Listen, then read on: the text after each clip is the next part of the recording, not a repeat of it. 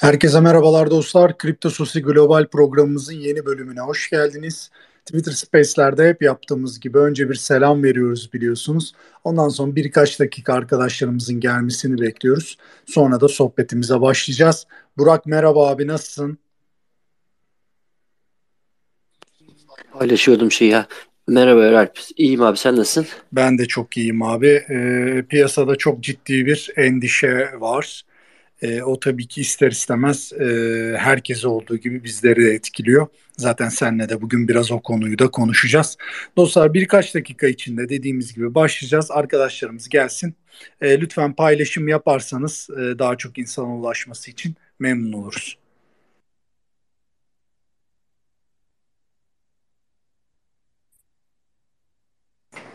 Bence yavaş yavaş başlayabiliriz. Ee, Burak buradasın değil mi abi? Buradayım. Erap sen bir başla. Ben bir paylaşım yapıyorum. Onu yukarıya da koyacağım ki hani e, hem biraz da görsel bir şey de olsun e, anlatmak için.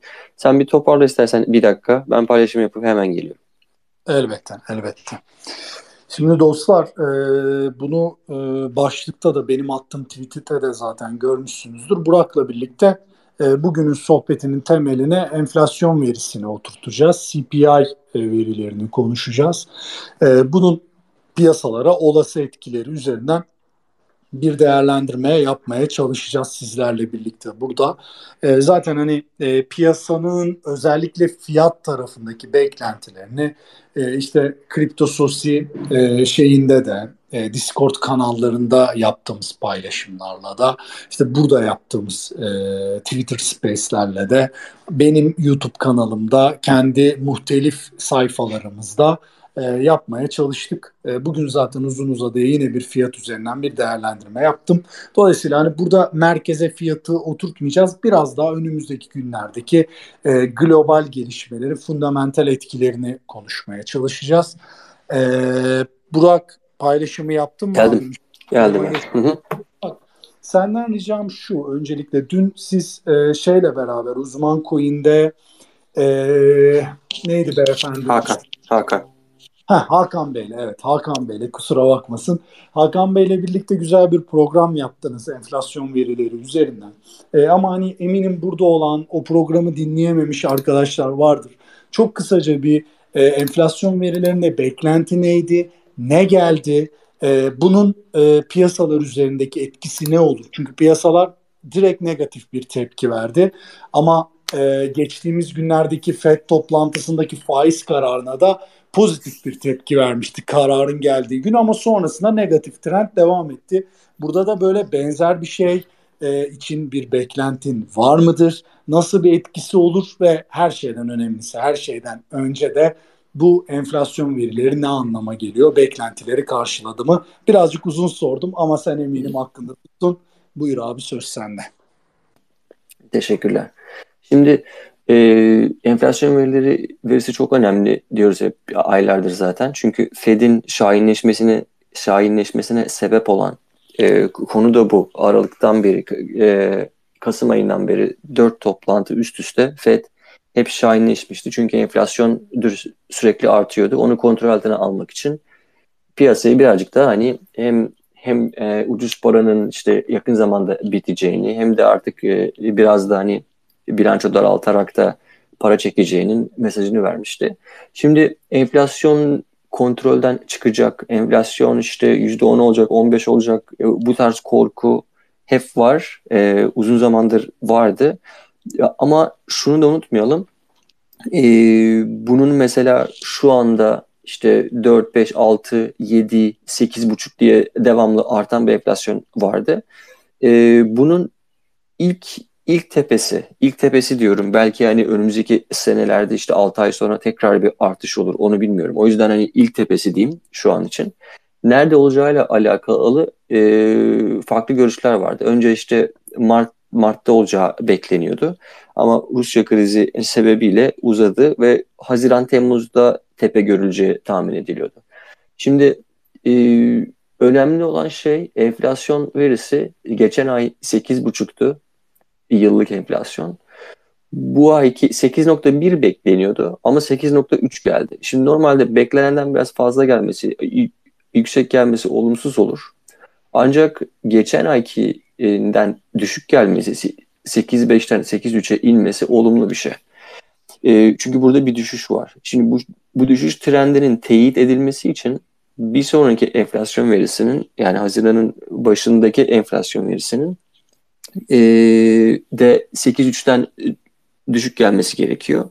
Ki zaten Haziran'daki FED toplantısından önce biz bu enflasyonu göreceğiz. Şimdi bu önemli. Tabii biraz da şey yapalım. Hani biraz detay da verelim. E, piyasalar neden şey yaptı ilk aşamaya? Piyasaların zaten bu tarz verileri açıklandıktan sonraki tepkisinin ne olduğunu anlamak imkansız arkadaşlar. Haber bazen çok iyi oluyor ama piyasa düşüyor. Dün açıkçası haber açık, açıklandıktan sonra piyasa çok çok ciddi düşmüştü. Hem Nasdaq hem Nasdaq vadileri hem Bitcoin aynı anda zaten hareket ediyorlar. Çok ciddi düşmüştü ama böyle 20 dakika sonra falan e, şey olduğu yere yani enflasyon açıklandığı e, seviyeye gelmişti hemen. O yüzden e, yani o tarz hareketi yani açıklandığındaki hareketlilikler zaten kısa vadeli olduğu için onları bilmek, şey yapmak, ona göre pozisyon almak imkansız. Ama ben uzun vadeli e, bu e, şeyin, ha pardon detaydan bahsediyordum. Detayda şu aylık bir de bakıyoruz biz tabii ki de enflasyona. Aylıkta ise bu bu çekirdek enflasyon e, 0.4 artması bekleniyorken 0.6 arttı. Yani beklenenden birazcık daha fazla arttı bu. E, çekirdek enflasyonun yıllığı e, 6 geldi. E, pardon 6.2 geldi. 6 bekleniyordu. Ama o da geçen ay 6.5'tu. Yani beklenenden fazla ge- gelmesine rağmen geçen ayki seviyelerin altında geldi. Bu çok önemli. Bir sonraki toplantıda da benzer bir şekilde beklenenden beklenenden fazla gelse dahi önemli değil. Bu ayki seviyenin altında gelirse biz belki de artık şeyi konuşmaya başlayacağız. Hani biz enflasyonun tepesini, zirvesini Nisan'da gördük diyebileceğiz. Bu Fed'in elini oldukça rahatlatır. Çünkü Fed e, elinden gelse şu anda piyasaya para basmak için, pompalamak için hazır bekliyor. Çünkü ekonomi büyümüyor. Daralan bir ekonomi var ABD'de. Bu korkunç bir şey yani. Ee, korkunç bir şey çünkü enflasyon çok yüksek. Yani enflasyon yüksekken bir yandan da ekonomi daralıyorsa zaten e, bu çok büyük bir kriz yani. Şimdi e, Fed Fed'in elini rahatlatacaktır. Zaten bu bilanço daraltmasına da e, beklenenden daha hafif seviyede başlanması e, enflasyon verisinden önceydi ama bu e, istihdam verileri açıklanmıştı. Yani Fed de açıkçası e, bir önceki toplantıdan zaten yumuşadığını görmüştük. Enflasyon da düşüş trendine girdiği teyit edilirse e, büyük bir ihtimal Fed'in yumuşamasına sebep olacaktır. E peki yumuşuyorsa Fed neden e, şey yapıyoruz? E, neden piyasalar hala düşüyor? E, piyasaların düşmesinin şimdi şöyle şöyle anlatayım ben onu da. Yani ben size bir sene önce işte Fed e, Nisan'ı Mayıs ayında bir karar alacak. İşte bir ay önce 50 puan faiz, faiz arttırmış. 50 bas puan. E, bilanço daraltmasına başlıyorlar. Neredeyse 50 milyar dolar her aylık. O, o bu arada 90 olacak Eylül'de. Bir sonraki iki toplantıda da 50 bas puan artışı bekleniyor deseydim siz derdiniz ki bana yani e, bu işi takip edenler Fed'in politikalarını ne oldu dünyanın sonu mu geldi derdiniz yani. Hani Fed'in zaten bu kadar agresif şu anda olması ya biz şeye bakıyoruz hep böyle hani e, detaylara bakıp biraz yumuşadığını görüyoruz ama büyük resme bakalım arkadaşlar. Yani Fed 50 bas puan faizi en son 2000 yılında arttırmış. 20 yıl önce. 22 yıl önce. Ve bundan iki tane daha yapması bekleniyor. Piyasaların para çekmeye çalışıyor bir yandan. Yani büyük resmi unutmayalım diyorum. Büyük resim çünkü gerçekten ee, şey burada çok ciddi bir parasal sıkılaştırma dönemi içerisindeyiz. Çok ciddi ama. Bu parasal sıkılaştırma döneminin, e, parasal sıkılaştırmanın şiddetini belirleyen şey enflasyondu. Şimdi enflasyon düşüş trendine girerse eğer, umarım girer, böyle devam eder. O zaman zaten bu, sıkı, bu sıkılaştırmanın da şiddeti azalacaktır. Piyasalar için de olumlu haber bunlar. Ama tabii ki de hani önümüzdeki dönemler için söylüyoruz. Bunun teyidi vesaire zaman alacak. E, bu sıkılaştırma dönemine de zaten baktığımızda yani bu Kasım'da başlamıştı. Oradan baktığımızda biliyoruz yani hep paylaşıyorum bu şeyi. E, Apple dün yüzde sıfırın işte yani o da zararda artık. Onun haricinde yani bu teknoloji hisseleri zaten hani yüzde 40-50 üzerinde düşmüş. Bitcoin'de yüzde 55 düşmüş. Ee, ben bunu bir de şeye bağlayacağım herhalde. Hani son günlerde ne oluyor? Son günlerdeki bu düşüş, bu korku, işte bittik mi, öldük mü vesaire hani e, korkusu var herkeste. Şimdi bunun için de şeye bakmamız gerekiyor. Ya perspektifimizi yanlış koymayalım arkadaşlar. Şimdi Luna ne oldu? %99 her neyse düştü son işte son iki günde. Şimdi bu zaten hani e, tabii ki de bunun olması diğer alt e, altcoin'lere de çok e, etkisi oldu. Çünkü Luna yani Luna'nın zaten hani Terra'nın e, ortaya attığı proje diyelim yani hiç kimsenin taklit etmediği orijinal işte kimsenin bilmediği ama işte olmadı bu iş falan diyebileceğimiz bir şey değil. Bunun benzerini yapan birçok e, Ethereum'a işte alternatif e, projeler var. İşte, işte Avax'tı, e, Polkadot'tu, işte e, Cardano'ydu, Solano'ydu, Algorand'tı, daha başka var bir sürü. Şimdi onlar da benzer şeyler yapıyorlar. Benzer e, şeyler derken hani stabil coin'den bahsetmiyorum. Benzer e, Ethereum'un işte e, çözemediği sorunları farklı bir şekilde çözmeye çalışıyorlar. Şimdi siz bunların en büyüklerinden bir tanesi artık söyleyeceğim yani iki günde çöp olduysa e, doğal olarak da bu yatırımcılarda herkes de ya Terra gibi büyük bir bir marka, büyük bir şirket iki günde çöp çöp e, olabiliyorsa %99 düşmesinden bahsediyoruz.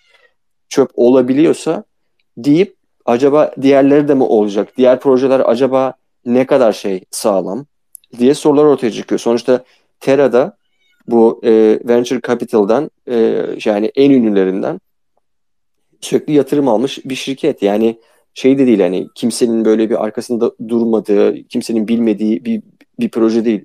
Çok büyük bir proje. Şimdi böyle olunca bu piyasada çok ciddi bir korku oluyor. Altcoin'lerdeki düşüş de zaten onunla alakalı olduğunu söylemek bence yanlış olmaz. Ama bunu şeyden ayırmayalım. Şimdi bu yukarıya paylaştım. Şimdi Bitcoin'deki düşüş bununla alakalı değil bence. Bitcoin'deki düşüş Nasdaq'la alakalı arkadaşlar. Çünkü Bitcoin'deki düşüş baktığımızda biz Aralık e, ayındaki FED toplantısı zaten milattı. Çünkü orada ilk e, şeyi öğrendik biz sonrasında da e, bilanço daraltması ki Fed ondan sonra zaten çok fazla şahinleşeceğinin e, mesajını vermişti. Şimdi biz oradan baktığımızda işte aşağı yukarı üst üste düşmüş Bitcoin ve Nasdaq. Şimdi Bitcoin, Nasdaq zaten çok büyük yani biliyoruz ki global piyasalarda 5 trilyon dolar erimiş arkadaşlar. Yani e, Ocak birden bir 35 trilyon dolar. E, bir kriptoda ise 1 trilyona denk geliyor aşağı yukarı bütün market market cap e, baktığımızda. Ya Bitcoin'in düşüşü Nasdaq'la olan korelasyondan sebep bence ki öyle gözüküyor zaten ki veri de bunu gösteriyor bize. Tabii ki de çıkarken daha yüksek çıkıp düşerken daha hızlı düşüyor ama üst üste koyduğumuzda aşağı yukarı aynı gidiyorlar. Burak benim gördüğüm kadarıyla bu söylediğini geçen gün beraber yaptığımız yayında da şu sözlerle ifade ettim. Bu arada araya girdim birazcık hem dinlen istedim. E, çünkü e, şey e, eminim yoruldun. Birazcık araya gireyim istedim. Şu e, şu sözlerle o zaman da tepki göstermiştim. Yani ciddi misiniz gerçekten demiştim gerçekten hani bu iddialara e, sığınan insanları ben anlamakta güçlük çekiyorum. Ya BTC'nin düşüş trendi sanki Luna'nın gündeme geldiği şu son günlerde başlamış gibi bir hava estiriliyor. Tamam şunu kabul ediyorum. Luna ile beraber piyasa artık dip seviyelerdeyken piyasada ya artık gerçekten de bu iş bitti mi? Paniği oluştu piyasada. Tamam buna bir itirazım yok. Yani bu Luna değil başka herhangi bir adı sanı bilinen bir varlıkta böyle bir ben buna rock pool demekte bir mahsur görmüyorum. Böyle bir operasyon yapılsaydı aynı şeyleri konuşuyor olurduk. Luna özelinde söylemiyorum. Genel itibariyle bu böyledir zaten. Zaman zaman da USDT üzerinden bu tip e, operasyonlar yapılıyordu e, piyasalarda. Yahu arkadaşlar aynen Burak'ın dediği gibi Nasdaq ile korelasyonumuz Kasım 2021'den başlayan düşüş süreciyle bu zamana neredeyse saatlik mumlarda bile benzerlik gösteriyor. Tabii burada Nasdaq en çok benzerlik gösterdiniz. Genel olarak Amerikan hisse senedi piyasalarıyla. Bunu defalarca yayınlarımızda anlattık. Çünkü bunun böyle olmasının sebebi Bitcoin'in e, piyasalar tarafından riskli varlıklar kategorisinde görülmesi şu anki piyasa dinamiklerinde. Bunu sen hep söylerdin Burak. E, beraber ilk yaptığımız yayınlarda bile konuşurduk bunları. Sen hep şey derdin. Teknoloji hisseleri en çok şişen hisseler olduğu için muhtemelen düşüşte de en büyük yarayı alacak hisseler o demiştin. E, bunu birkaç kere farklı farklı vesilelerle söylediğini hatırlıyorum. Eylül, e, nitekim, Eylül'de falan söylemiştim bunu. O yönleri evet, bulalım ya. Çıkartalım onları herhalde. aynen öyle. Aynen öyle. Bak ben çok net hatırlıyorum. Eminim dikkatli can kulağıyla evet. takipçilerimiz de hatırlayacaktır. E, piyasalarda şöyle bir mekanizma e, şey oldu, belirleyici oldu. E, şey çok ciddi şekilde kar bırakan varlıklarda kar realizasyonuyla birlikte işte Fed'in faiz politikalarında artık e, şahin duruşa geçme söylentileriyle, e, istişareleriyle birlikte Kasım itibariyle bütün riskli piyasalardan paranın çıktığını gördük. E, yılbaşı itibariyle de gündemimize özellikle işte ocağın sonu, Şubat'ın başı itibariyle bir de e, sıcak savaş krizi girdi. Dolayısıyla piyasalar o zamandan bu zamana zaten allak bullak. Yani şimdi burada gerçekten Luna'nın ya da UST'nin bu düşüşün arkasındaki şey olduğunu söyleyen insanlar burada aslına bakarsanız dostlar şey yapıyorlar. Yani yani e, resmen e, insanların aklıyla dalga geçiyorlar. Yani bunu yapan analistler de olduğunu gördüm bir, bir yerlerde. Yani bu analistler de muhtemelen e, göremedikleri bunu Kerem de söylemişti e, salı akşamı yaptığımız yayında. E, muhtemelen bir şeyleri göremedikleri için veya doğru hesap edemedikleri için bir e, bilinmezliğin yarattığı bir etki olduğunu iddia ediyorlar gibi geliyor bana. Yani ama ben, ama ben şey söyleyeyim sana Eralp ama evet. bence burada zaten ben de senin sözünü kestim. Kusura bakma. Evet.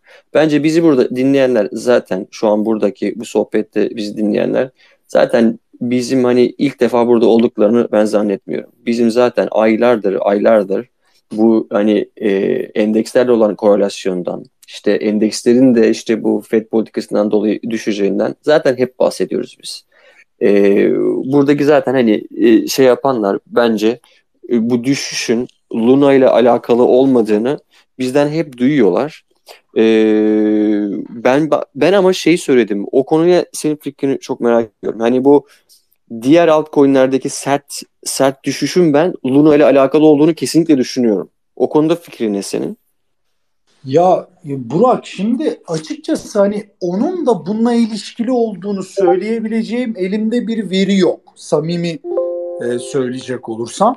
Ya çünkü abi yani piyasa şimdi Luna Luna'nın piyasaya hiç etkisi olmamıştır demiyorum ben. Yani bunu bunu zaten kimse söyleyemez. Son günlerde yarattığı panik ortada. Tamam bu bu şüphesiz böyle. Ama ya de, diyelim ki BTC'de gerçekten bir Luna etkisi oldu. Tamamen düşünelim ki işte korelasyondan değil Luna etkisinden düştü. Ya arkadaşlar BTC bu Luna gündeme gelmeden önce de 35 binler civarındaydı. Şu anda 28 binlerdeydi ben yayına başlamadan önce baktığımda. Yani e, hani ortalama yani şey 35 bindeyken Nasdaq neredeydi kim bilir. O nereden düştü yani bir, bir trilyon falan çıktı şeyden. Nasdaq'tan evet, zaten o söylediğim 5 evet. gün içerisinde. Aynen öyle, aynen öyle. Yani hani dolayısıyla burada bunu söylemek dediğim gibi başka amaçlarla yapılan e, veya en en iyi ihtimalle baktığımda e, bir şekilde görememekten yapılan bir şeydir diye düşünüyorum ama Ee, ilk söylediğim bende daha ağır basıyor. Neyse o tarafını çok uzatmayayım. Altcoin'ler tarafına gelince abi zaten altcoin'ler yani neredeyse yani bunu lütfen e, ofansif bir dili olarak algılanmasın ama neredeyse tamamı çöp oldu altcoin'lerin. Yani çöp oldu derken fiyat bazında söylüyorum bunu. Yani bu Kasım'dan beri gelen düşüşün öncesi de var altcoin fiyatlarındaki mesela baskılanmada. E, hatırla birinci zirvemizi yaptığımız o Nisan e, ayını Nisan e, birinci zirveyi ne zaman yaptık? Nisan 2021'de yaptık. İkinci zirveyi de Kasım 2020'de, Ekim sonu, Kasım başı gibi 2021'de yaptık.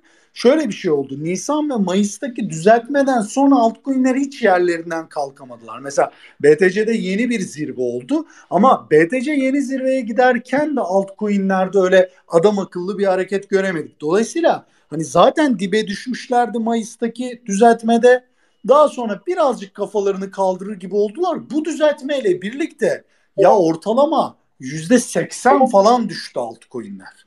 Yüzde seksenlerden bahsediyorum. Yani bu Luna'nın etkisi aynı BTC'de olduğu gibi işte belki BTC işte 34-35 bin bandından 28-29 bandına çeken etki belki altcoin'lerde de yüzde 90 düşmüş bir altcoin'de belki yüzde 3'lük 5'lik daha bir ekstra düşüş yaratmış olabilir ama hani e, bunu e, ona bağlamak ya da bağlasak bile bunun matematiksel olarak bir değer taşıdığını düşünmek bence mantıklı gelmiyor bana açıkçası.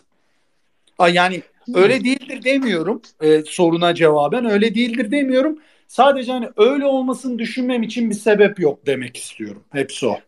Ben ben o konuda şöyle şöyle düşünüyorum ama bir yatırımcı perspektifinden baktığında sen sen bir yatırımcısın tamam mı? yatırımını da işte Ethereum'a işte Bitcoin'e yaptın. Ethereum'un işte dedin ki işte Ethereum'u ben bir şekilde hedge edeyim. İşte Ethereum işte işte Ethereum 2 olmazsa işte onun alternatif proje, projelere de bir yatırım yapayım dedin. Hemen işte hani tamamen yatırım perspektifinden şeyden bakıyorum ki büyük para o parayla yatırım yapanlar böyle yapıyor zaten. Sen de biliyorsun. İşte ne yaptı? İşte e, o olmazsa hani Ethereum'un belki birisi Ethereum killer diyorlar ya işte Cardano, Solana, Polkadot, e, işte e, Terra, Avalanche, Tron daha sayılmayan bir sürü var bunlarda. Polygon vesaire falan. Şimdi bunları bunlara yapıyorsun. Şimdi bunların bir tanesi ve gayet böyle ismi, markası, yatırımcısı, işte her şeyi böyle sağlam, hiçbir şekilde sorunu olmayan ve hatta daha 2-3 ay önce zirve yapmış olan değil mi? Doğru mu hatırlıyorum? Luna 2-3 ay önce zirve yapmamış mıydı? Tabii şey değil işte. İyi performans e, gösteren altcoin'lerden uzunca bir zaman. Yo all time high'ını işte şeyde yapmış arkadaşlar bir ay önce. Yanlış mı bakıyorum? Doğru tam tam bir ay önce all time high yapmış bir şeyden bahsediyoruz. Yanlış görmüyorsam. Ee, şimdi bu 3 günde %99 düşüyor. Bildiğin çöp oluyor artık yani. Hani buradan çıkar gider ayrı mesele ama hani sen mesela yatırımcı perspektifinde baktığında Luna gibi yani Luna'ya neden parayı koydun Terra'ya? Şu sebepten dolayı. O sebepten dolayı sen diğer 6-7 tanesine daha şey para koydun. Doğal olarak bu şey olur yani hani korku korku yaratır. Acaba onlar da çöp olacak mı diye. Çünkü hemen hemen aynı yerde duruyorlar. Ee, zaten baktığımızda da hani altcoin'lerin ben hani Bitcoin'den bütün hepsinin çok daha hızlı düşmesini, %50, 60, 80 düşmesini son son bir haftada bununla alakalı olabileceğini düşünüyorum. Açıkçası. Tabii ki de bildiğim bir şey yok. Sadece hani risk risk yönetimi açısından çıkışlar belki hızlanmıştır diyorum yani benzer projelerde. Bu, bu bahsettiğin endişeyi mesela şeyde gördüm. Hani işte Luna ile benzer fikirde olan, e, benzer yapıda olan altcoin'lerden ziyade mesela UST'de e, bu endişe var. Bunu insanlar çok dile getirdi e, ve akla yat, yatan da bir tarafı da var. Yani o işte Luna'ya ait UST stabil e, coin'inin böyle olmasının işte bir yüzde elli falan düştü biliyorsun stabil coin'in fiyatı. İşte USDT'de de olur mu? Ya da işte BUSD'de olur mu gibi bir endişe yarattı. Yani o söylediğin endişeyi ben büyük oranda stabil coin tarafında gördüm açık söylemek gerekirse. Eyvallah. Bu arada sen konuşurken bu biraz önce saydığım var ya Tron, Polygon vesaire o tüm o şeyler Tera'ya benzeyen şeyler hani AVAX vesaire falan son bir haftada en en aşağı en iyisi %55 işte en yükseği de %60 düşmüş. Tera'da işte yüzde e, şey düştü yani 99 düştü. Öyle bakalım olaya. Hani e, çok ciddi gerçekten ya. Yani yüzde 50-60 bir haftada bütün bu projeler şey yani biliyorsun bir de hani dünyayı ele geçirecek, Bitcoin'i alt üst yerinden edecek projeler diye kendilerini lanse eden merkeziyetsiz vesaire saçmalıklarıyla dolu şeyler yani bunlar. Ee, yani şöyle kapatalım e, istersen. Yani bu son günlerde olan e, bu e, Luna ile alakalı konu e, Bitcoin'le Bitcoin'in düşmesiyle çok bir ilgisi yok arkadaşlar. Bitcoin'in düşmesi daha büyük bir, bir resim olan global piyasalarla alakalı. Kesinlikle. Onun korelasyonu Kesinlikle. oradan devam ediyor. Bunun adını koyalım yani. Ama ben sadece fikir olarak diğer altcoin'lerin çok daha hızlı düşmesinin Luna ile alakalı olduğunu düşünüyorum. Yani altcoin'lerin bu kadar son bir haftada en büyüklerinin bile %60-70 oranında ezilmesinin Luna'dan kaynaklı yaratılan bu altcoin'ler yatırımındaki bu korku risk yönetimiyle olduğunu olabileceğini düşünüyorum. Öyle söyleyeyim e, sadece. Çünkü ben olsam öyle yapardım. Yani ben şu anda Luna'ya para koymuş olsaydım ve o 3 günde %99 eriseydi eyvah ben şimdi Luna gibi işte bunun haricinde 5-6 projeyi daha koydum. Onlara ne olacak acaba? Onlar da mı çöp olacak? Dur hepsini satayım da alacaksam da hani kriptoda risk alacaksam da Bitcoin alayım diyen çok insan var son dönemde. Hani şeyde Türkiye'de değil de Amerika'da çok duydum öyle hani Luna'dan sonra altcoin'leri satıp sadece Bitcoin alan. E, risk almak isteyen ben olsam en azından öyle bir tepki tepki verirdim. Korku çünkü bu. Hani korkuyorsunuz. Böyle Açıkçası ben en son, ee, şey, en son bu piyasa reaksiyonunu şeyde görmüştüm. Burak ben de onu söyleyeyim. Ondan sonra dilersen kapatabiliriz. Ee, bu Tether meselesinde görmüştüm. Yani insanların ellerindekini satıp BTC'ye dönmesini. Uzunca bir zamandır panik anlarında insanlar ellerindekileri satıp e, BTC'ye dönmüyordu. Buluna'nın bu paniği yarattığı doğru. E, hani bu anlamda sana katılıyorum. Çünkü bunun dominans Asla karşılığını evet, gördük. Çok, çok kesiliyor. Son söylediklerini hiç anlamadık.